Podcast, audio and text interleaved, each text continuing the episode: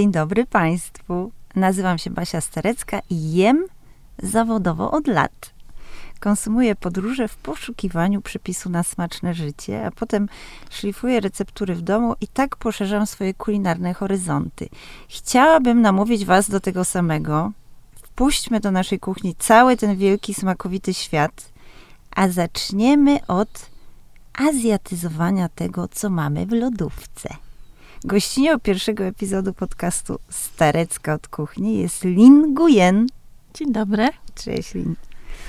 Szefowa kuchni i właścicielka takich popularnych restauracji w Warszawie jak Koreanka, Japonki, Totofo, Fo Kwadrat i Wietnam. Lin, powiedz mi, jak zazjatyzować swoją własną kuchnię na tyle, by móc gotować w niej po wietnamsku i zazjatyzować właśnie to odkodujmy, bo to jest y, słowo mojego autorstwa. Nie pochodzi ono z, ze słownika języka polskiego. Y, chodzi mi o takie wyposażenie się w odpowiednie składniki, y, które zagwarantują nam odpowiedni, no niepowtarzalny smak dalekich podróży do Azji. I gdybyś miała wybrać pięć ingrediencji z Wietnamu, cóż by to było? No, nie byłoby to dla mnie problemem. Wybrałabym glutaminian sodu, sos rybny, fermentowane krewetki, czosnek, no i może być przyprawy korzenne typu kardamon, anyż, y, cynamon. Te rzeczy byłyby potrzebne. I y, ich można wykorzystywać na wiele sposobach. Czosnek jest bardzo ważnym elementem i e, na przykład wiele warzyw możemy po prostu smażyć na oleju z czosnkiem i troszkę sos rybnego i troszkę e, glutaminianu sodu. I to już jest bardzo azjatyckie danie, bardzo wietnamskie bo tak naprawdę mówimy o, o kuchni wietnamskiej bardziej, bo kuchnia wietnamska, tajska to na sosie rybnym stoi tak naprawdę. No, tak jak czosnek myślę, że znajdziemy w przeciętnej kuchni Kowalskich, to myślę, że już glutaminion sodu niekoniecznie, no, który ma, ma cały czas dosyć złą prasę, ale czy słusznie, powiedz? Mm, I słusznie i nie, ze względu na to, że jego trzeba traktować jak cukier czy sól. Nie można przedawkować. Po prostu nie dajemy garściami, tylko szczyptami, tak jak sól. I wtedy ona spełnia swoją rolę podbijając smak umami. I tak naprawdę kiedyś w Azji, no wiadomo, że warzywa jest więcej niż mięso, to właśnie doprawiane jest glutaminian sodu, żeby poczuć jakby smak umami piąty smak, y, który jest dosyć enigmatycznie określany wieloma przymiotnikami, bo nie jest taki wprost y, konkretny jak te cztery pozostałe, tak. więc mówi się o nim tłusty, pełny, mięsisty. To jest smak, który, y, drodzy mięsisty. Państwo, słyszycie, czujecie mm, na podniebieniu jedząc bardzo dojrzałe pomidory, jedząc parmezan, jedząc grzyby. Ten glutaminian sodu występuje w naturalnych produktach, jest naturalnym składnikiem, a on y, został tak zdemonizowany y, w momencie, kiedy y, zdaje się, że pewien dziennikarz, czy już nie pamiętam, kto, co to była za osoba, opisała y, tak zwany syndrom chińskiej, chińskiej restauracji. restauracji tak. Y, otóż miało się wydarzyć tak, że po spożyciu jakiegoś dania właśnie w tej restauracji te, tej osobie zdrętwiał kark. No i od tego momentu glutaminion sodu jest po prostu jakimś takim produktem na czarnej liście, ale występuje właśnie w, w naturalnych produktach i to, tak. co widzimy, co Lin przyniosła w słoiczku i być może państwo później będziecie mieli, mieli ochotę zerknąć do internetu i zobaczyć, jak to wygląda, to e, to, co ja widzę teraz przed sobą, przed oczami, to są takie kryształki. Rzeczywiście z daleka wygląda to jak cukier albo sól. Zresztą tak. zdarzają się dosyć spektakularne pomyłki. Tak. Nie dalej jak parę dni temu rozmawiałyśmy z Lin e, o takiej przygodzie z glutaminianem, który wylądował w deserze tak. w charakterze cukru. Tak zrobiła. więc można się pomylić, więc jeśli już będziecie sięgać i azjatyzować swoją kuchnię po, po glutaminian, Lepiej zaznaczyć. to opiszcie go dokładnie. Dobrze, ale skąd ta predylekcja właśnie Wietnamczyków, czy w ogóle Azjatów do glutaminianu? Chodzi o taki głód właśnie tej pełni Tak, przeżyć kulinarnych? Dokładnie. I ono bardziej podbija y, smak umami. Naprawdę. Można spróbować nie dawać y, glutaminianu w danie mięsnym i zrobić drugą porcję, y, dorzucić trochę glutaminianu i te dwa dania zupełnie inaczej będzie smakować.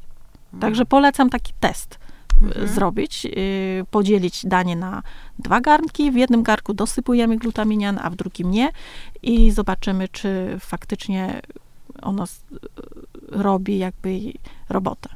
Czyli zaczęłyśmy od dwóch podstawowych, od czosnku i glutaminianu. Mhm. Mówię, że wystarczy podsmażyć warzywka, już troszkę człowiek będzie podróżować w kierunku Naprawdę. odległych krain, ale y, pojawił się tam też trzeci składnik, który słynie y, też z, z, z pewnych kontrowersji, ale wiążą się one tylko i wyłącznie z jego zapachem, czyli sos rybny. Tak, to jest najmniej chyba kontrowersyjny Mm. zapach, ale owszem... Ze ob- wszystkich możliwych, Tak. jakimi azjatycka kuchnia dysponuje. To chyba najdelikatniejszy zapach y, odurza- odrzucających. Y, Ale to jest y, sos, który powstał na bazie sfermentowanych ryb różnego Hmm. rodzaju. Za- Kiedyś tak było, że mm, przy plaży są budowane takim wielki, nie wiem jak to się nazywa, z, ceg- z mm, betonu wylany. Mhm. Wielki. Kadzie? Wiem. Tak, to, to Mhm. ma Zbiorniki? zbiorniki, to Tak. ma z dwa metry wysokie, metr na metr szerokie. I tam się wsypywało ryby.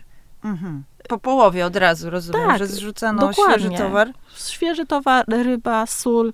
I tak się czekało i grzało się na słońcu właśnie. Mm, fermentowało. I się wszystko. fermentowało. I później się odlewało z niego sos i to jest właśnie ten sos rybny.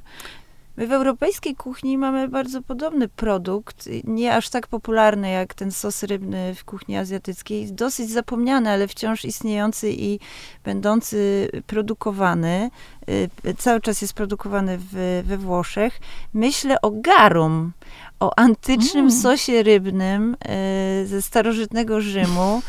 Y, Właśnie, korci mnie, żeby zaprosić kiedyś jakiegoś archeologa i porozmawiać o tych kadziach y, w starożytnym Rzymie, gdzie fermentowano te ryby, bo podejrzewam, że betonu jeszcze wtedy nie było, No ale tak. były jakieś pewnie zacne, różne mm, garnuszki i, i pojemniki pewno. na, to wszystko. Więc znamy to z naszych szerokości geograficznych, powiedzmy tak w skrócie, ale sos rybny rzeczywiście wydaje się być takim wspólnym mianownikiem nie tylko dla tej części Azji, ale generalnie dla całej.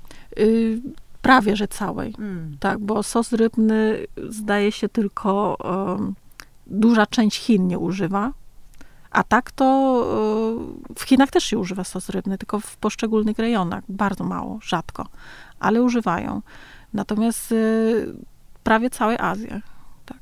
Ja miałam śmieszną przygodę z sosem rybnym. Próbowałam go wywieźć z Wietnamu. Wydawało mi się, że nigdzie takiego dobrego nie dostanę. W Polsce można kupić. Zaraz sobie powiemy zresztą, gdzie są te źródła doskonałych, jakościowych produktów, ale no zamarzyło mi się, żeby z Fukuok No. przywieźć. ym, Ale to jest zupełnie coś innego. Ten sos rybny, takiego. który się kupuje właśnie w, No w tych rejonach, Mhm. to są robione, ym, powiedzmy, homemade Tak. bardziej. Bo te sosy rybne, które dostają certyfikat i są eksportowane poza Wietnamu, one są produkowane y, już masowo. Czy mm, jakbyśmy szukali y, specyficzny zapach sosu rybnego, to nie znajdziemy tak naprawdę w tych y, masowych produkcjach, bo one zawsze będą smakowały podobnie. Y, Natomiast właśnie tych, które nie da się wywieźć z Wietnamu drogą formalną, trzeba przemycać, to, to one mają, każdy rejon ma inny sos rybny trochę. No, pamiętam, że był szalenie intensywny. Udało mi się Tak. go przewieźć, natomiast y, po drodze zostałam wywołana z nazwiska na lotnisku do kontroli ponownej, gdzie mnie po prostu y? No, zostałam wywołana, spotkałam się z, ze Strażą Graniczną, która oburzona faktem, że znalazła ten sos rybny y, dosyć skrupulatnie owinięty w różne skarpeteczki i, i, i, inne rzeczy w walizce. Y, no, został wyjęty, spakowany w oddzielny kartonik i podróżował właściwie indywidualnie, samodzielnie. Odbył tą podróż Wietnam-Polska. Udało mu się dolecieć. Się. Tak, spotkaliśmy się ponownie na lotnisku w Okęciu. No i z wielką satysfakcją go później y, spożywałam. Natomiast no, bilet nieco kosztował za tą podróż sosu rybnego. Dobrze, ale powiedziałyśmy o trzech produktach, y, niemniej ty wymieniłaś więcej. Powiedziałyśmy sobie na początku, że to było pięć tak. dokładnie ingrediencji, więc co, co to są za y, składniki te dwa pozostałe? To znaczy ten czwarty to byłby sfermentowany pastę z krewetek. To jest mm. jeszcze coś y, jakby bardziej hardkorowego. Śmierdzącego. Tak. Nie chciałam użyć tego słowa, bo dla mnie ono pięknie pachnie. O, widzisz. Teraz spróbuję spojrzeć, y, y, powąchać pastę ze sfermentowanych krewetek następnym razem twoim nosem. Czym, on, czym ona ci pachnie wobec tego, no, żebyśmy no, sobie mogli to wyobrazić? Rybą, pachnie jakby y, taki zapach bardzo intensywny, intensywny rybą. Także jak się otworzy i zamknie, to już zapach jest w całym pomieszczeniu. Także nie trzeba go zostawić długo otwarty. Wystarczy, że jest szczelinka i już czuć, że tam jest fermentowana pasta z krewetek. A jak smakuje? Smakuje słono, umami, Y, bardzo dużo umami i wielopoziomowość, bo nigdy z tych sos, z pastek, tak na, one się nazywają pasty krewetkowe, ale tak naprawdę nigdy nie są z jednej, z jednego rodzaju ryb, czy jednej rodzaju krewetek. Czyli to Tam nie jest, jest tak, taki... że to jest 100% krewetki, bo ja myślałam, że to jest sama krewetka. Tak, no właśnie nie zawsze to jest 100% krewetki. Mhm. Tam są małe, drobne rybki też. Mhm. I zależy od rejonu Wietnamu, też są różne pasty krewetkowe to znaczy one się nazywają kre, pasty krewetkowe, ale w niektórych rejonach są tylko z ryb na przykład i nie ma krewetek. Ale krewetki u nas to, bo w Polsce znamy tylko kilka rodzajów krewetek. Jest taka, taka koktajlowa, różowa, jest szara, no i jest y, większy, szary z głową i to wszystko. A w Azji to krewetki są tak duży rodzaj odmiany. Krewetki, które żyją na pograniczu rzekę i morze, to są inne rodzaje krewetki. Krewetki, które żyją w morzu, to są inne. Te, które żyją w rzece, są inne. Więc na przykład na północy głównie fermentowane są krewetki rzeczne. A e, na środkowej i na południu są fermentowane krewetki głównie y, morskie. No dobrze, nabywamy ten czwarty produkt i co z nim robimy? Ukrywamy go przed domownikami, tak. chowamy do piwnicy, zakopujemy w ziemi, e, w ogrodzie przed domem czy na podwórku e, pod osłoną nocy, żeby sąsiedzi nie widzieli i z rzadka wyjmujemy, nie, nie, no, nie, no, nie z rzadka, bo już sobie ustaliliśmy, no, ja że chcemy azjatyzować tej, tą naszą polską kuchnię. I on, w jakich e, okolicznościach więc możemy tak, sięgać? Ona jest bardzo, bardzo dobra do y, marynowania mięsa szczególnie wieprzowinę. Wieprzowinę y, jakby z malutką ilością te, tego pastę robi zupełnie inny zapach, ale mało. Jak damy za dużo, to ona za intensywnie pachnie, naprawdę mało. Lin, co to znaczy mało? Y, mało dla mnie, na przykład na 100 gram wieprzowiny bym dała y, dosłownie wielkości mojego paznokcia. Mhm. No takiej ilości. Naprawdę mało.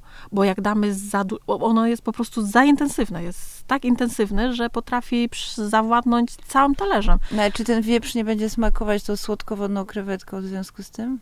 Y, będzie miał zapach, ale nie będzie smakowało tym. Dalej będzie smakowało wieprzowiną, ale ma jakby większą głębię moim mhm. zdaniem. Ten pasty krewetkowy nadaje niesamowity poziomowość dań trzeba to po prostu spróbować. Oczywiście to odrzuca ten zapach y, tej pasty, bo ona jest mega, mega skoncentrowana tak naprawdę.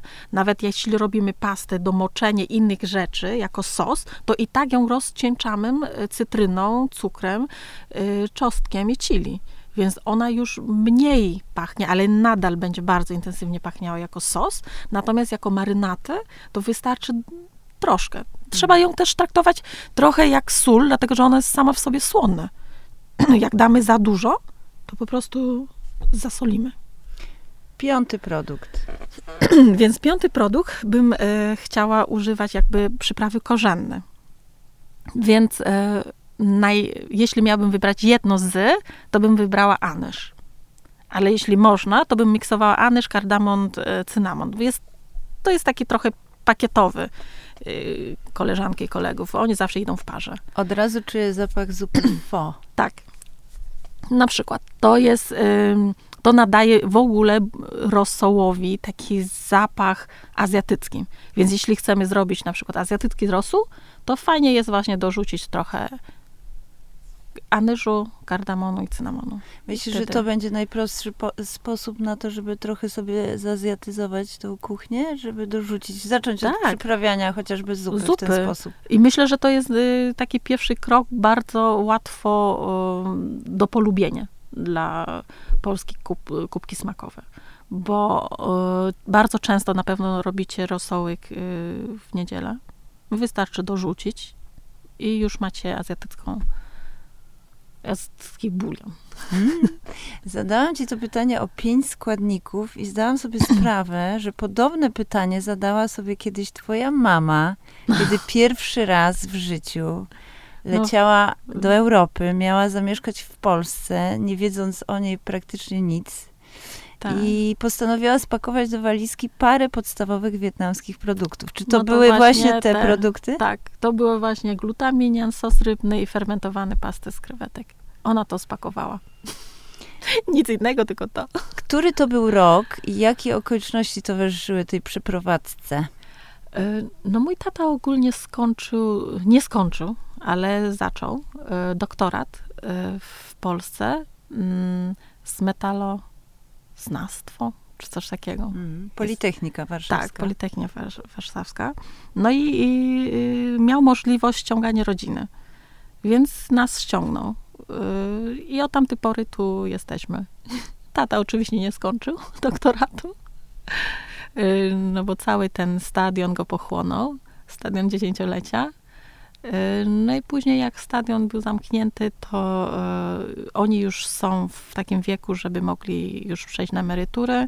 Ja już byłam na tyle duża, żeby mogła coś zacząć. No i zdecydowałam, że chcę rozpowszechniać kuchnią wietnamską w jej oryginalnej postaci w Warszawie. Poczekaj, ale tak skoczyłaś w czasie do przodu szybko, a ja chciałam się jeszcze zatrzymać w tym momencie, kiedy twój ojciec w ramach wymiany pomiędzy bratnimi komunistycznymi tak. krajami przybywa do Polski. Orientuje się, że no, ta wymiana się kończy, bo system się skończył, komunizm tak. upadł i w związku z tym pojawiły się nowe możliwości i nie było, jak rozumiem, trochę sensu kontynuować studiów, skoro można było zrobić no dorobić musiał, się całkiem niezłych musiał, pieniędzy y, inaczej. Y, musiał nawet przejść na, bo wtedy miał wizę studencką, mhm. jakby. Musiał przejść na wizę pracowniczą. Więc musiał znaleźć pracę i jakby znalazł tak, że sam zaczął handlować. To było naprawdę, potwierdzam, handlował długopisy a długopisy były Naprawdę. potrzebne to było w tamtym tak momencie. dla mnie, jak on mi o tym opowiadał, no bo opowiadał to już później, jak już byłam starsza i długopisy było takim y, narzędziem, że kurczę, żeby tego nie było, zawsze był. Długopisy zawsze były, ale się okazało, że wtedy ich nie było. Myśmy na nowo wtedy pisali historię Lin. Może dlatego były tak potrzebne. tak. No i faktycznie sprzedawał te długopisy i chusty. Mhm. To są dwa rzeczy, które sprzedawał wtedy. Ile masz lat, jak przyjeżdżasz do Polski jak smakuje Polska? Jakie, jakie masz wspomnienia kulinarne z tamtego okresu? No bo y, rozumiem, że to są jakieś początki lat 90. Tak. zapewne. No to niewiele w tych sklepach jest. Dopiero się pojawia pierwszy polski fast food, zapiekanki z pieczarką. Wspomniany stadion jest na pewno taką przepustką do wielkiego świata, bo to jak na jarmark Europa, tak No. się nazywał, przystało. Y, Jest jarmarkiem pełnym y, różnych kultur, y, bo to nie tylko Wietnamczycy tam handlują, tam ale też inne nacje. Dokładnie. Więc można spróbować trochę skosztować tego świata, który wcześniej był zupełnie niedostępny. Mm, No ale jakby cała Polska wtedy, no to są dosyć, dosyć uboga kuchnia jednak y, w, momencie przełomu. Ale dla nas i tak była bardzo, bardzo rozwinięta, bo my nie mieliśmy tyle produktów mięsnych. Mieliśmy w Azji no, mięso z kurczaka, z wieprzowiny, z wołowiny i to koniec. A przyjeżdżając do Polski, to już zobaczyliśmy kiełbasę, y, jakby parówki, wędliny. To już było dla nas zupełnie czymś y, nowym. Nie, nie, nie mieliśmy tego do czynienia w, w Wietnamie. No i pamiętam, że pierwszym produktem, który tak się obżarłam, to było y, parówki. Parówki z ketchupem. Y, I później było parówki z omlet z parówek. Omlet z parówek. No. Ale, ale szatkowałaś te parówki Tak, na masę tak. taką z Nie, na, na plasterki Aha, y, kroiłam parówki. bardzo wyrafinowane I- danie. Tak. I później jak się wyciągnęło na talerz, się polewało ketchupem i się jadło. I pamiętam, że jadłam to bardzo, bardzo dużo. I często. I gotowałaś generalnie. No właśnie, już gotowałam wtedy. A miałam wtedy jakieś 9 lat. Gotowałam to dla mnie i dla brata. Czy coś poza omletem z parówkami pamiętasz jeszcze? Nie, już nie pamiętam. Tylko to było najbardziej taki jakby wbiło mi się w pamięć, że to było takie dobre. Te parówki były tak smaczne. No więc Coś nowego. tak, coś No, nowego. domyślam się, że, że te produkty z walizki przywiezione twoje, przez twoją mamę były w użyciu w waszej kuchni rodzinnej. Coś Tak, mama często- robić. Y, Mama często robiła tak, że kupowała całą kurę, y, ugotowała bulion i ryż dorzucała do niego, bo to były produkty, które można było kupić w sklepie. Nie było wtedy azjatyckie sklepy. Nic nie można było kupić azjatyckiego, oprócz to, co jest dostępne w sklepie. Czyli tam był ryż, no była kura, więc mama to kupiła, ugotowała bulion i powstał wtedy klej y, ryżowy z kury, co jest bardzo popularne w Wietnamie. Praktycznie to je się na śniadanie, je się jak ktoś jest chory. Także y, i ona tym doprawiała sos rybny, glutaminianu, trochę soli i dosłownie jadłam taką zupę, jakbym była w Wietnamie. To bardzo zdrowo, no bo w naszej kuchni ten klej ryżowy funkcjonuje i jako takie jedzenie lecznicze, takie Tak. sanatoryjne właśnie dla osób Tak. w trakcie rekonwalescencji. U I nas w, też. W Azji chyba Ale, też, o, prawda? ale tak y, przypadł do gustu, że naprawdę są y, panie, które specjalizuje się tylko w, w tym klejku i, i co rano ludzie do nich przychodzą i jedzą tylko klej ryżowy. To jest taki przysmak też. Czyli y, wychowana jesteś na klejku ryżowym Tak, i na parówkach. i na parówkach. Pomagasz rodzicom też w tych pierwszych biznesach przy handlu. Tak, dostawałam dniówki y, z, jako tłumaczka. Właśnie, bo też dosyć szybko mm, opanowałaś język polski. Tak, ponoć y, jak mam jakieś smykałki do tego i całkiem szybko mi to poszło.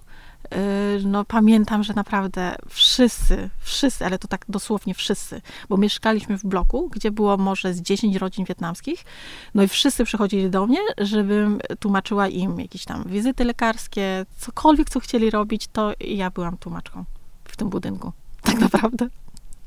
No więc rodzice też korzystali z tego, że dobrze umiałam polski. I no, mm, tłumaczyłam im dużo, dużo transakcji. Ale y, na stadionie dziesięciolecia było tak fajnie, że y, w weekendy to, się, to jest miejsce spotkań towarzyskich naszych w naszym wieku wtedy. 13, 13 lat, 14, 15. No to, to było takie miejsce, gdzie się umawialiśmy. Nie było telefonu. To y, po prostu w szkole się umawiałam z koleżanką. Słuchaj, w tym weekendzie idziesz? No ja też idę. I widzimy się tam, idziemy na y, lunch, i kupujemy jakieś tam słodycze, owocki, no i wracamy y, do domu. I takie były nasze jakby spotkanie towarzyskie też. Czyli ty już wtedy byłaś taką przewodniczką po kuchni wietnamskiej. No zawsze, to, no chyba zawsze, zawsze ja wybierałam miejsce, gdzie jemy i tak dalej. No bo koleżanki jakby nie miały jakiś taki, mm, yy, jakby nie, nie miały swojego jakby wyboru. Nie Więc... miały też wiedzy, jeśli to były koleżanki urodzone w Warszawie, warszawianki. Y nie, nie, ja mówię o Wietnamczyków, okay. którzy mhm. tam y, też pomagali swoim rodzicom. No bo Polacy wtedy jakby jeszcze dla nich to było takie miejsce, że trzeba iść z rodzicami, mi się wydaje. Że, że dopiero po paru latach istnienie stadionu dziesięciolecia dopiero y, tłumnie tam przychodzili i traktowali to jako y, zwykły bazar, już coś swojego i już tam odwiedzają i tak dalej. Ale na samym początku, no to, to było miejsce, gdzie był handel hurtowy. To nie był handel detaliczny. Handel detaliczny się otworzył po paru latach, jak po coraz więcej, coraz więcej y, Polaków chciało tam zrobić zakupy. A wcześniej to było typowy handel kartonami. Tam nie szło sztukami kupić. Lata 90. powiedziałyśmy sobie, że to jest dopiero powolne otwieranie się na świat i też na jego smak. Mm. To jest właśnie ten początek polskiego fast foodu, ale też rozkwit kuchni tak zwanej orientalnej. My, my, poznajemy wtedy tak zwany orient. Ja nie wiem, czy to smakowało orientem. Y, porozmawiajmy o tym, zatrzymajmy się na chwilę tak. przy tym, bo to jest rzecz to jest dalej ciekawe. unikatowa na skalę światową. To, co tak. się wydarzyło w barach, które były nazywane Chińczykami. Niewiele z kuchnią chińską również miały wspólnego, bo były prowadzone przez Wietnamczyków. Wietnamczyków. Dokładnie. I ten kanon dań, który wtedy się zarysował, typowe dla niego tak zwane kule w żelu, czyli kurczak w cieście, podawany z takim gęstym, fluorescencyjnym, tak. różowym kisielem do maczania. Pomarańczowy, różowy, czerwony. Y, sałatka z papai zrobiona z kapusty i marchewki. Y, no, jakieś takie swobodne interpretacje na miarę mazowieckich możliwości. Ten kanon dań dalej obowiązuje w całej Polsce. I ich jest nadal najwięcej świetnie się sprzedaje. Zastanawiałam się, czy, czy w związku z tym, że poznaliśmy tego świata nieco więcej i wpuściliśmy go zdecydowanie do, do Polski i mamy no, teraz ogromny wybór, jeżeli chodzi o smaki świata, E, dostępne u nas, to czy e, popularność tak zwanego polwietu spadnie, ale Myślę, z, tego, co się zorientowałam, wcale nie. I nie. w czasach e, szczególnie kryzysu ta kuchnia jest dalej tania i dostępna, tak. demokratyczna. W tych barach dalej spotykają się osoby z różnych środowisk. Tak. Naprawdę, tam o różnym nikogo statusie. nie patrzą. No właśnie. I myślę, że sporo osób ma też ogromny sentyment do tych dań, bo wspominają Teraz jako już tak. jakiś komfort już, Dokładnie, bo ono ma tyle lat już. To powstało w latach 80., pod koniec może 80. I no powiedzmy, ludzie, którzy mieli wtedy po 16 lat, to teraz mają już 50 parę. To to już można nazwać, że powrót do dzieciństwa praktycznie, mm. że... Kto wymyślił polwiet? E, legenda głosi, że e, pary małżeństwa, którzy byli studentami tutaj w Polsce, E, Wietnamczyków oczywiście, e, wymyślili to. Oni e, jakby chcieli rozpowszechniać kuchnię chińską, tak naprawdę, a nie wietnamską. Natomiast tam pojawiają się elementy wietnamskiej kuchni, typu saigongi. To jest kuchnia wietnamska, natomiast wszystkie inne danie to jest kuchnia chińska. Dlatego, że w kuchni chińskiej są sosy a jednak. A Polacy mhm. uwielbiają sos, danie z sosami. Więc stąd powstało y, typu kurczak z bambusem, kurczak w pięciu smakach i tak dalej, bo one są później y, zagęszczonym właśnie skrobią. I to danie jest wodniste. Więc y, bardzo spodobało to po, Polakom, więc y, tak to powstało. Czyli to nie powinniśmy tego w sumie nazywać polwietem, tylko polchinem jakimś albo... No właśnie, ciężko to nazwać, bo to i te, jest tam elementy wietnamskiej, typu właśnie saigonka, ale kurczak w pani, y, to znaczy kurczak w cieście, to już jest taki bardziej y, chińskie moim zdaniem. Bo Chińczycy często tak robią, że kurczak obtaczają w ciasto, smażą je i dopiero takiego kurczaka chrupiącego wrzucają do dania do smażenia z sosami. Więc y, to jest jakby zamiast wrzucać go do smażenia sosu i jest podawany z sosem po prostu. Wiem, że twoi rodzice oprócz tego, że handlowali na stadionie dziesięciolecia, w pewnym momencie postanowili zająć się gastronomią. Chyba mhm. za twoją namową. Tak. Zastanawiam się, dokładnie. czy wyście kiedykolwiek zaliczyli epizod tego polwietu, czy prowadziliście tego typu bar? Niestety my nie, bo w momencie, kiedy podjęliśmy decyzję o wejściu w gastro, to już wiedziałam, że trzeba tam trochę zmienić obraz kuchni wietnamskiej, bo wszyscy y, kojarzą kuchnią tajską, kojarzą kuchnią chińską, ale nikt nie kojarzył kuchnią wietnamską. Wtedy jedynym elementem, który y, ludziom kojarzyli, to są ludzie z światu aktorzy, aktorzy y, którzy jedli na stadionie. Ze względu na jej wczesne godziny otwarcia, to jest dla aktorów późne godziny zamknięcia dnia. Więc mm. oni przychodzili na stadionie jeść zupę fo, który dla nas był wczesnym śniadaniem, dla nich był późnym kolacją. kolacją. Czyli specyficzna grupa, specyficzne środowisko trafiło Dokładnie. na stadion dziesięciolecia. Dzisiaj pewnie byśmy powiedzieli o tym środowisku trendsetterzy albo no, influencerzy, tak, tak. wpływacze po tak. polsku. wpływacze. Wpłynęli po prostu na tak, tak, stadion tak. i ponieśli wieść o autentycznej kuchni wietnamskiej dalej, bo Dokładnie. jak rozumiem, źródło popularności zupy pho właśnie bije tam, na tak, stadionie. stamtąd, stamtąd to wyszło. Mi się wydaje, że gdyby nie to, że stadion się musiał zamknąć, to tam by był taki fajny Chinatown czy Viettown, że naprawdę, bo żeby mieć dobry smak wietnamskiej pho, trzeba mieć dużo klientów Wietnamczyków, którzy lubią zupę pho z ścięgami, z tłuszczem, z mięsem tak zwanym łatą i z tym tłuszczem, który jest między tłuszczem a, a chrząstkiem już trochę. I ona tak chrupie, ten tłuszcz. Nie mogę jeszcze ją jakby nazwać po imieniu.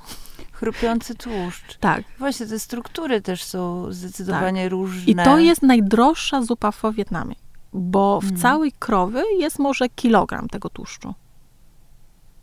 Także on jest bardzo drogi i każdy Wietnamczyk, jakby nie znam Wietnamczyka, który by nie lubiło mm, ten tłuszcz.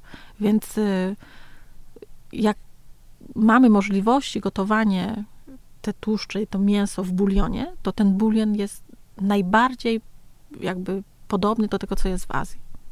Właśnie, bo powiedziałyśmy, że azjatyzowanie y, może przebiegać drogą smaku, czyli możemy zaprosić do naszej kuchni te y, konkretne produkty, ale może też przebiegać drogą tekstur i innych zdecydowanie niż w naszej kulturze struktur.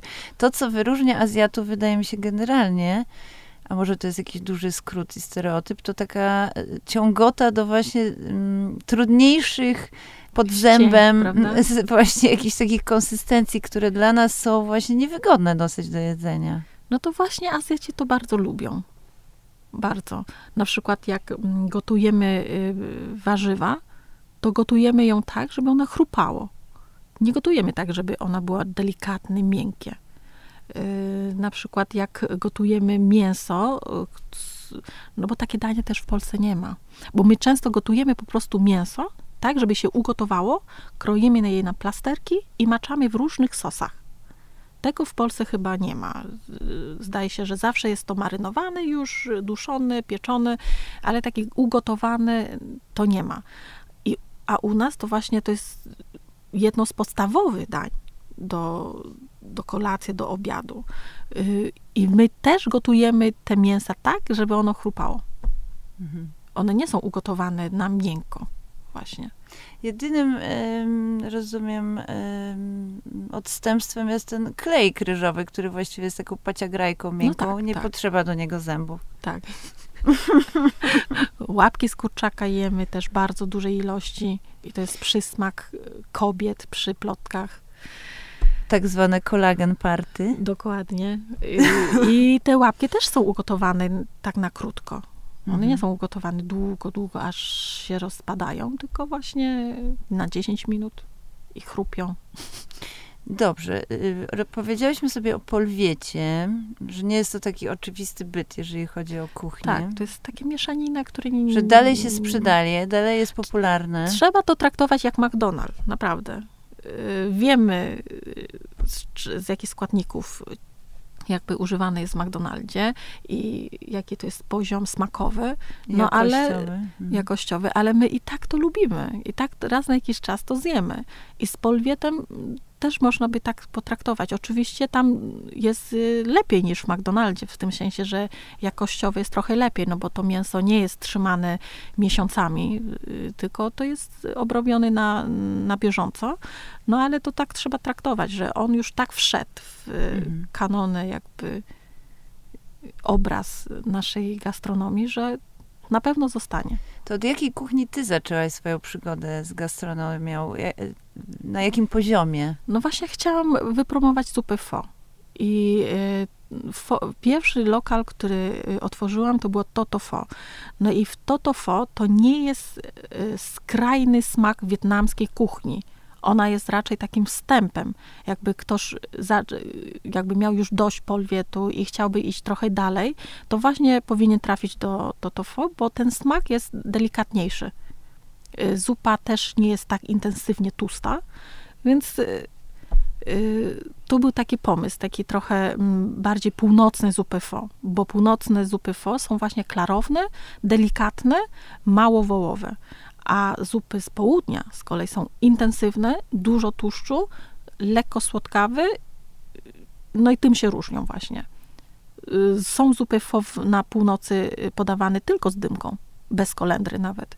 No bo tam są już tacy ortodoksyjnie, że bulion musi być klarowny, czysty jak woda, więc jakbyśmy gotowali na y, na duże ilości mięso wołowe, to nie dałoby się uzyskać takiego koloru. Ono zawsze będzie lekko żółte. A tam tak chcą, więc na przykład na północy y, bardzo popularna jest zupa fos kurczaka, skóry, a na południu już nie. Na południu znaleźć zupę fos skóry to jest, to jest wysiłek. Jak się poznałyśmy, To pamiętam, że powiedziałaś, że przedstawiłaś się i powiedziałaś, że pochodzisz z wietnamskiego Piaseczna. Z miejsca, w którym w ogóle wymyślono zupę pho, więc... Tak, takim trafem się zrobiło, że urodziłam się w Nam Ding, a wszystkich Wikipedia podają, że zupa powstała w Nam Ding. Yy, I faktycznie ta zupa w Nam Ding jest bardzo smaczna. Ale skąd to piaseczno się tam No bo to jest taka mała miejscowość pod Hanojem. Hmm. To jest y, około pół godziny drogi, 40 minut drogi od centrum Hanoju, y, do tego miejscowości. On jest mały, on jest taka y, punkt, y, trasa między Wybrzeże a Hanojem, czyli jak y, szlak handlowy. A później ono się stało takim łodzią. Tam była największa fabryka tkanin w całym Wietnamie. No teraz niestety już poupadała, już nic tam się nie dzieje, ale miało taki okres, że naprawdę y, Namding tkaninami stoi. Jak byś tłumaczyła popularność zupy pho? Jest y, w smaku, y, właśnie jest korzenny. Zauważyłam, że Polacy bardzo lubią korzenne przyprawy. Nawet herbaty dajecie, goziki i tak dalej. Wino ciepłe też dajecie tych przypraw. Więc jakby te przyprawy y, mocne wam smakuje. One były zawsze obecne w polskiej kuchni, to znaczy Dokładnie. zawsze w jej takim najciekawszym momencie, który, który rzeczywiście nie jest jakoś tak w pierwszej kolejności kojarzony z taką y, typową polską kuchnią, bo to, co nam się kojarzy z polską kuchnią, to też jest jakiś taki wycinek, który się gdzieś zarysował z, za czasów komuny, o, o, tak. których, y, o którym rozmawialiśmy. Czyli y, no, jakieś takie podstawowe no, rzeczy. komuna swoje zrobiła. Tak, wycięła... trochę nam wycięła to dziedzictwo kulinarne, ale rzeczywiście kiedyś tych przypraw w polskiej kuchni takiej obfitej, doprawionej było multum, więc być może stąd ta Możliwe. sympatia do, do tego no korzennego czasami smaku. Nasze upodobania ponoć są też zapisane w genach. To nie jest tak, że, że podoba nam się to, co teraz nam się podoba, bo tak jest. Tylko mamy jakieś preferencje. Mamy jakąś pamięć pokoleń być Na może pewno. smakową. To, to bardzo jest. ciekawe.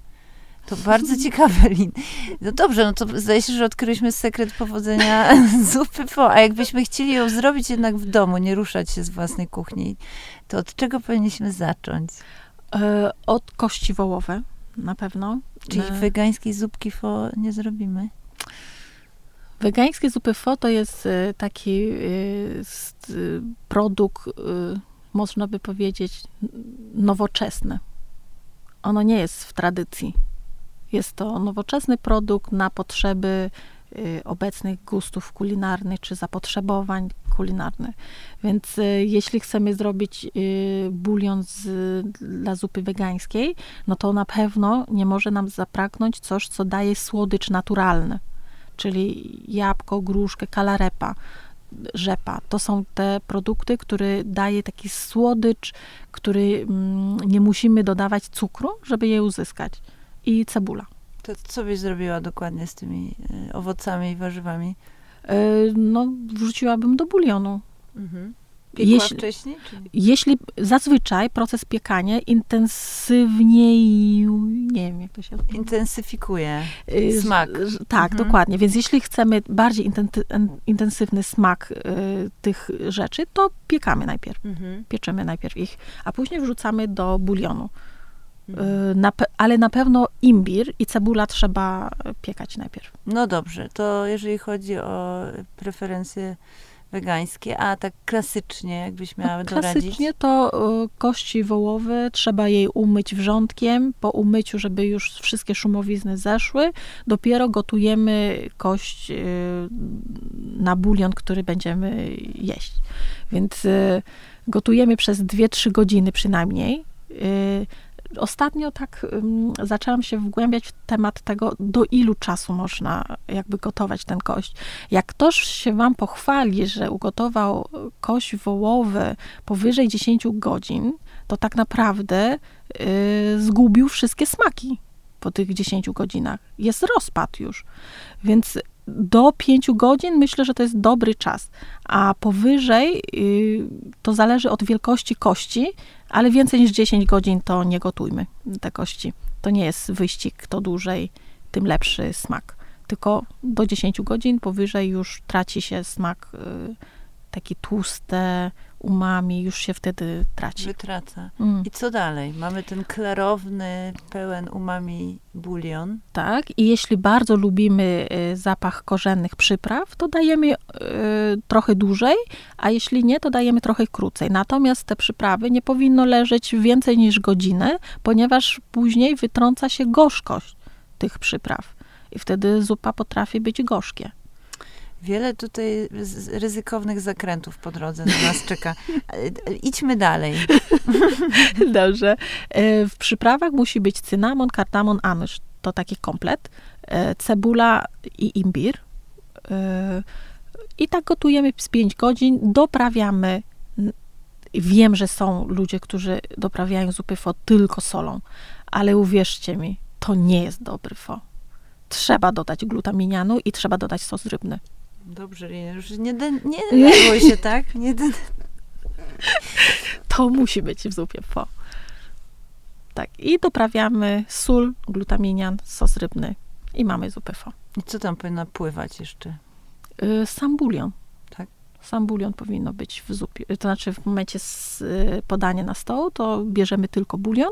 Mięso, których y, używamy do zupy fo, to zależy jakie. Jeśli chcemy mieć mięso długo gotowane, no to wiadomo, to mięso musi wejść do zupy fo, tak na dwie godziny przynajmniej. Y, a jeśli chcemy zupy fo z wołowiną smażonym na łoku albo z parzona, no to nie wrzucamy już do bulionu, a przygotowujemy to mięso osobno obok. No dobrze. Mm, mówiłyśmy o. Spróbujemy, Lin. Dobrze, spróbujemy. Dobrze. Będziemy dzwonić.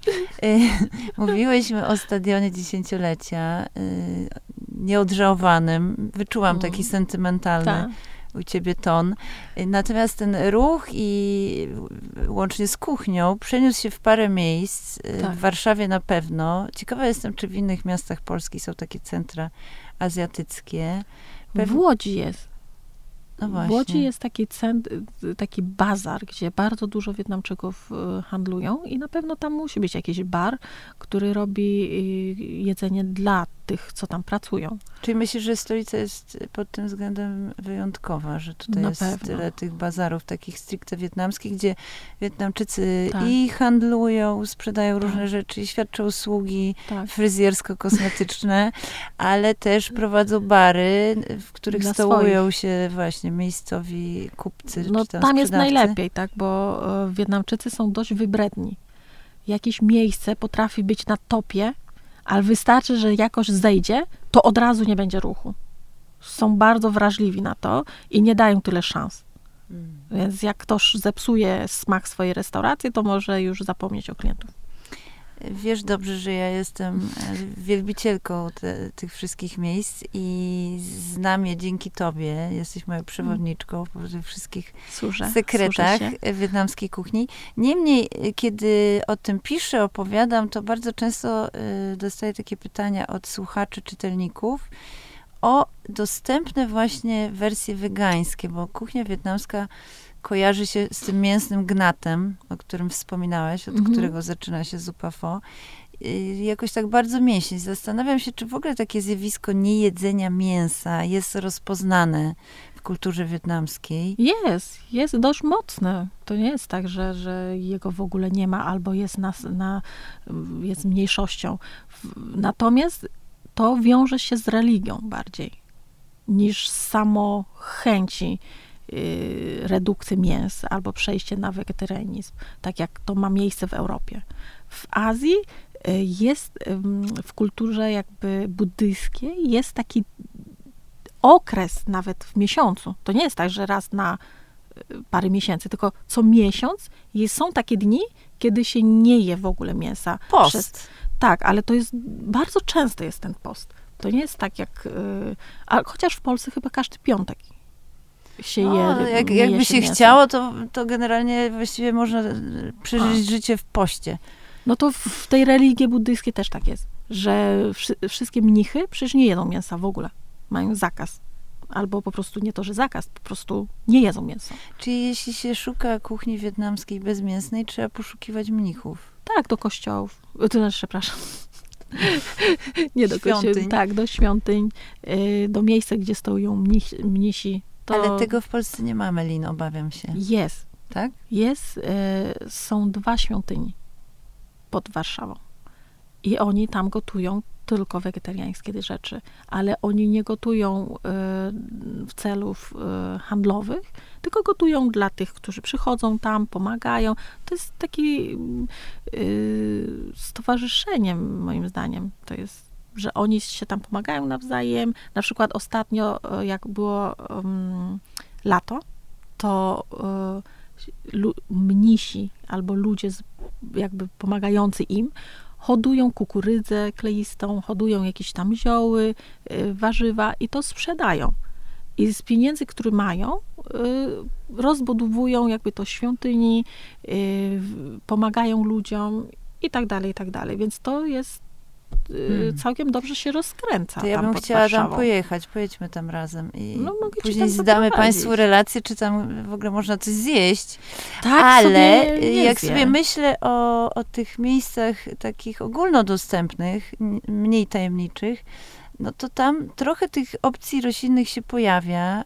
y, Na, między innymi na mm, bazarze przy ulicy Bakalarskiej na pewno jest trochę takich opcji roślinnych. Y, Jest pani, która... Nie no, zawsze jest opcja roślinnej. Mm. Zawsze jakaś opcja jest, no bo zawsze ktoś nie je mięso, bo jest y, związany właśnie z tym postem, z religią. Więc y, y, baza oczywiście jest to mięsne, ale zawsze zrobią też wege. Bo zazwyczaj nie robią to tak, że jest do sprzedaży rzeczy wege, tylko zazwyczaj tak, przychodzę do ciebie i mówię, słuchaj, ja bym w tym sobotę zjadła wegańskie. No i ona przygotowuje dla ciebie wegańskie rzeczy. To tak działa bardziej, niż że z ulicy wyjdziesz i będziesz miała te wege I rzeczy. te miejsca, y, do których przeniósł się handel ze stadionu dziesięciolecia, to są też źródła różnych, o wiele bardziej skomplikowanych, y, jeżeli chodzi o różnice kulturowe produktów, y, bardziej tajemniczych, mniej rozpoznanych przez nas, bo to nie tylko ta piątka twoja, ale też Tak, różne Mnóstwo. różne produkty, o których istnieniu nie mieliśmy pewnie niektórzy z nas pojęcia. Tak.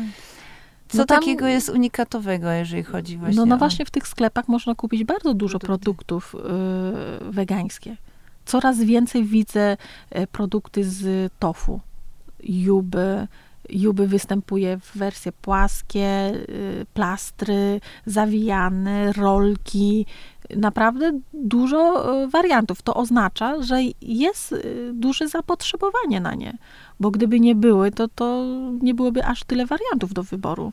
Kiedyś tak nie było, coraz więcej, ale mi się wydaje, że to nie, nie Wietnamczycy kupują, a właśnie Polacy kupują te juby y, do dań wegańskich. Kocham jubę. To jest, no, drodzy Państwo, kożuch dobre. z niemleka sojowego tak. No. Korzuszek, który się zbiera przy gotowaniu Dokładnie. soi i można go nabyć w różnych suszonych wariantach, w różnych formach, ale tak sobie myślę, że ta stolica jest wyjątkowa, dlatego, że chyba mm, mamy wielką przyjemność gościć największą społeczność wietnamską, tak. jeżeli chodzi o Polskę. To no, w Warszawie jest, to, jest najwięcej. Tak, a jest to pokłosie właśnie tej wymiany studenckiej, jak mnie mam w tak. zamierzchłych czasach. To też. No i to też, że w Warszawie y, no, jako stolica no, największy handel jest. Tak? Więc dużo osób też zatrzymuje się w Warszawie, bo tu jest y, dużo pracy. Y, mówiłaś, że zaczęłaś przygodę z gastronomią od zupy fo, według tak. receptury z rodzinnego miasta. Tak. Ale po drodze y, do momentu, y, w którym się teraz spotykamy, wydarzyły się różne y, zwroty akcji, tak. różne, różne doświadczenia z gastronomią są za tobą. Teraz też prowadzisz nie tylko miejsca z kuchnią wietnamską, ale też z, z innych rejonów Azji. Tak.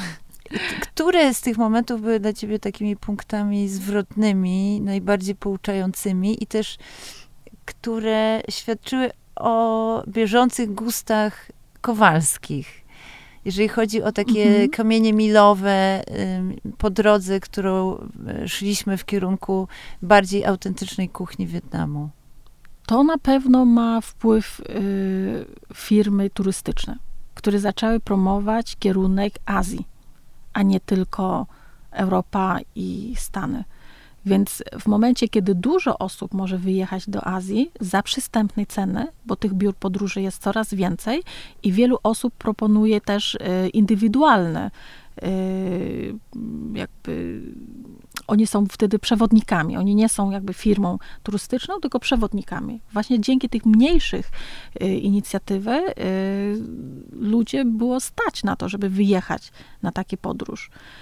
Bo wtedy nie ma też jakiejś tam opłaty pewnie i dlatego ta cena jest bardziej przystępna. Poznaliśmy świat po prostu. Tak, dokładnie. Lepiej. No bo wiesz, ktoś może zjeść coś całe życie i uważać, że to jest tak pyszne, tak dobre, bo nie zjadł nic lepszego. Jakby zjadł coś lepszego, to by wiedział, że to, co zjadł do tej pory, to było jakiś y, szczytowy rzecz, tak? Więc to właśnie o to chodzi że... O poszerzenie horyzontu. Dokładnie. Lin, o tym jest audycja. No dokładnie. Więc póki nie zobaczymy Himalaje, to stwierdzimy, że innej góry jest najwyższe. I to tak jest. Tak samo z smakami. Póki nie zjemy coś naprawdę smacznego, to nie wiemy, jak ma być smacznie. Po prostu jemy to, co do tej pory jemy i uważam, że to już jest smacznie. No na pewno zostawimy Państwa z tą recepturą na zupę foto. Już od tego można zacząć, prawda? Mhm. Przygodę mm. z kuchnią wietnamską. Na pewno. A jakbyśmy chcieli ugościć Wietnam jeszcze bardziej w swoim domu yy, i no, być może po tej pierwszej misce zupy jakoś nam tak zasmakuje, że, że postanowimy w ogóle się prowadzić po wietnamsku.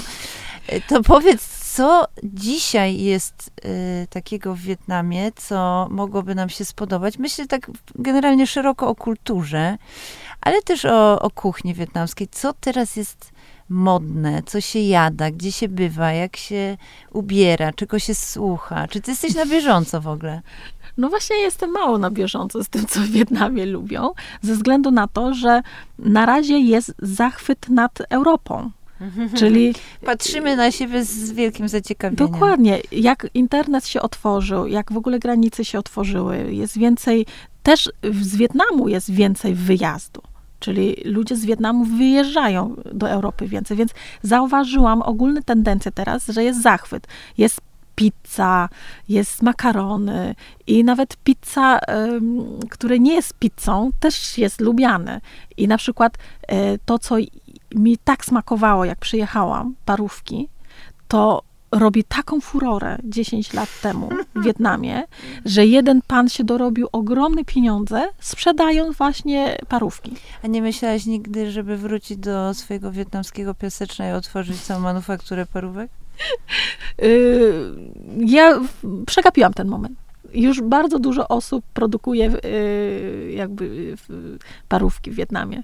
I teraz, jak się ogląda jakiś film, to naprawdę reklamy, parówki, y, mleko. Także te produkty nasze, tradycyjne, wietnamskie, już zeszły na drugi plan teraz. Teraz jest taki jeszcze moment, kiedy zachłystamy się y, kulturą y, zachodnią. Więc ten y, azjatyckość w Azji to jest to, co jest popularne teraz, to jest połączenie coś wietnamskiego z europejską. Na przykład? No tak jak mówiłam, tą pizzę. E, tą pizzę na przykład nie robimy spód do pizzy, co jest jakby jej definicją pizzy. Spód jest papieru ryżowego grillują to sobie, a na górze dają ser, dają mięso i oni to nazywają pizzą. Ojejku. Tak. Ale poczekaj, przykład... a jak papier ryżowy jest przygotowany? Bo on musi być namoczony. Nie, właśnie nie jest namoczony. Jest tak sucho, posmarowany masło, posypany ser, e, dają sobie mięso na tym, polewają ketchupem, czy tam jakiś sos pomidorowo podobny i, i dają to, tak, i dają to na grilla. A, czyli ten papier I ten papier się praży, tak. grilluje, jest chrupiący, chrzęszczący. Tak, tak, tak. To znaczy nie do końca tak chrupiący, no bo wiadomo, że te rzeczy, które na nim jest, y, jest yy, mokry, więc ten papier nie do końca jest chrupiący. Aha, On jest chrupki tylko pod, y, mhm. pod spodem, a na górze jest taki ciągnący i to powstaje taka inna struktura trochę. Co nie jest takie zaskakujące, bo mówiłyśmy o tym, że Azjaci kochają niemiękkie, Y, struktury do jedzenia, więc to ciasto typowe dla włoskiej pizzy mogłoby być po prostu zbyt puchate, być może dla wietnamskich szczęk. Możliwe, ale bardzo sobie dobrze radzą y, pizzerie w Wietnamie. No dobrze, no to to jest Ostatnio zamówiłam pomysł. jedną pizzę, która kosztowała prawie 100 zł. A miała po prostu pizza margarita. Skąd wynikała ta cena? Że po prostu no modna jest, rzecz. Tak, mhm. po pierwsze modna rzecz, po drugie dobre sery kosztują tam w Wietnamie mega drogo i dlatego ta pizza tyle kosztowała. Drożej niż w Europie, no to wiadomo. Tak samo jak danie azjatyckie w Polsce kosztują pięć razy drożej niż w Azji. No dobrze, to, to myślę, że, że na razie pizzę wietnamską odłożymy na bok, y, wyszlifujemy, wypolerujemy sobie ten przepis na zupę pho, ale jakbyśmy mieli, y, miały coś posłuchać do jedzenia zupy, albo posłuchać obejrzeć... podczas? tak, zupy? muzyki jakieś, albo obejrzeć później film, to czy miałabyś dla nas jakieś wskazówki? No, słuchaj, filmy, y, ostatnio muszę przyznać, że te filmy krótkometrażowe w Wietnamie są coraz lepsze. I, Co to znaczy krótkometrażowe? No takie filmy, nie seriale, tylko mhm. filmy, bo jednak u nas cały czas jesteśmy jeszcze na poziomie, że seriale są bardziej popularne niż filmy bo y, ma więcej odbiorników i tak dalej, i tak dalej. A do kina nie wszyscy jeszcze chodzą, więc ich popularność jest odpowiednio mniej niż seriale. Ale są coraz lepsze. I na przykład czekam teraz na taki film y, Trzecia żona. Czekam, Czy to jest czekam. powszechne zjawisko w Wietnamie, trzecia żona?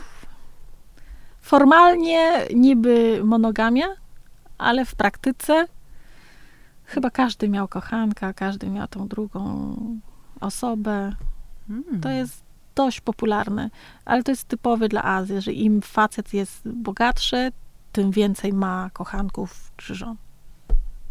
Hmm. Niektóre kobiety po prostu wiedząc o tym, że, że mąż ma, jak mój, drugą rodzinę prawie, że to i tak przymyka na to oczy, jakby nie zwraca na to uwagi. No ale na szczęście coraz więcej młodych kobiet się na to nie zgadza. Właśnie, o taki... I coraz więcej z rozwodów. O, o podział, y, o model związków y, w Wietnamie przy okazji wobec tego cię podpytam, czy to dalej obowiązuje taki tradycyjny, konserwatywny, że to mężczyzna jest najważniejszy i Niestety, tak, nadal dowodzi jeszcze. rodziną. Niestety. Dowozi na papierze tak naprawdę, albo w miejscu, w- no, jak to powiedzieć? Tak jakby, nie wiem, żona jest premierem, a mąż jest prezydentem. U nas w Wietnamie. Czyli on nic Żona robi. robi wszystko, naprawdę, dosłownie wszystko robi, a mąż to tylko idzie do pracy i podaje ręce i się uśmiecha. No, ale ci, y, to, to mówimy o takich przypadkach, kiedy y, są równi finansowi. A tam, gdzie jest dysproporcja między mężem a żoną, no to tam jest y, już totalnie inaczej. Tam to już mąż po prostu przynosi hajs do domu, a tak naprawdę całe jego życie toczy się poza domem. I Czyli nie spędzają ze sobą zbyt dużo czasu. właśnie nie, bo jest na, w pracy, bo praca wiąże się z spotkań towarzyskich, tu i tam. Ma dużo argumentów, żeby nie być z, w domu. A tak naprawdę no, to im to pasuje. Y, Ma w domu żonę, który wychowuje jego dzieci, a sobie bawi Ale Na mówisz, że zmienia się powoli ten y, model, tak? I zmienia że się. młodsze pokolenia szukają bardziej partnerskich związków. dokładnie. A czy również y, o podłożu romantycznym? Czy No, to są romantyzm- aranżowane małżeństwa? Nie, nie, nie są aranżowane. Mhm. Te młode już nie są. Myślę, że y, ludzie z rocznikach 80. y, w, Dalej. i dalej, to już nie, nie, nie są tacy, że trzeba zapoznać, czy coś takiego. Tam jest, y, romantyzm azjatycki jest trochę inny niż romantyzm europejski. To odkoduj, proszę. Kurczę, ciężko to opisać jednym słowem, ale jakbym miała to porównać, to mm, ten romantyzm y, azjatycki jest bardzo symboliczny. Ja mam takie wrażenie, że czasami te dziewczyny tworzą obraz swojego jakby miłości i próbują y, tego partnera wpasować w niej. Nie do końca ten partner już jest tym y, symbolem, ale one się zakochują w tym obrazie. Wizję, bardziej. Mhm. Może dlatego, że oni nie są jeszcze na tym poziomie, że faceci są... A jaka jest ta wizja? Jaki jest ten wyśniony facet? No, że dba o nich, że jest y, na każdym kroku, y, no, że stawia ją na pierwszym miejscu. To cały czas jest podobne jak w, w europejskiej, ale w Europie mi się wydaje, że dziewczyny są bardziej, mm, nie to, że praktyczne, bo to nie jest to słowo, ale one bardziej urzeczywistniają tych facetów. Czyli jaki on jest, to one tak widzą. A w Azji jeszcze jest taki coś, że ten facet dopiero powiedzmy jest od 1 do 5 jest trójką, ale one już widzą ich jak piątką na przykład. Mhm. Romantyzują swoje Tak, relacje. Mhm. bardziej niż Europejki. No coś takiego. No bo może dlatego, że to jest taki bieguny, że wcześniejsze pokolenie były tak stłumione i mają się zgadzać na to, co rodzice wybrali, to aranżowanie, to presję społeczeństwo, że nie mogą się zachowywać inaczej. To teraz te młode pokolenie zaczynają fantazjować po prostu. A ty, ty tak robisz? No, byłam na pograniczu, ale tak naprawdę dorastałam w, w Polsce bardziej niż w Azji, więc aż tak nie fantazjuję. Czyli mentalnie bliżej ci do... Do Polki. Tak, do Polki. Tak jak mm, stwierdziłam to jakiś czas temu już, że kocham się bardziej po polsku niż po wietnamsku. To z takim pomysłem może i państwa zostawimy przy tej zupie fo. Dziękuję ci, Lin, za to spotkanie, za pierwszy Proszę. epizod Stareckiej od kuchni. A z państwem słyszymy się już niebawem. Do zobaczenia.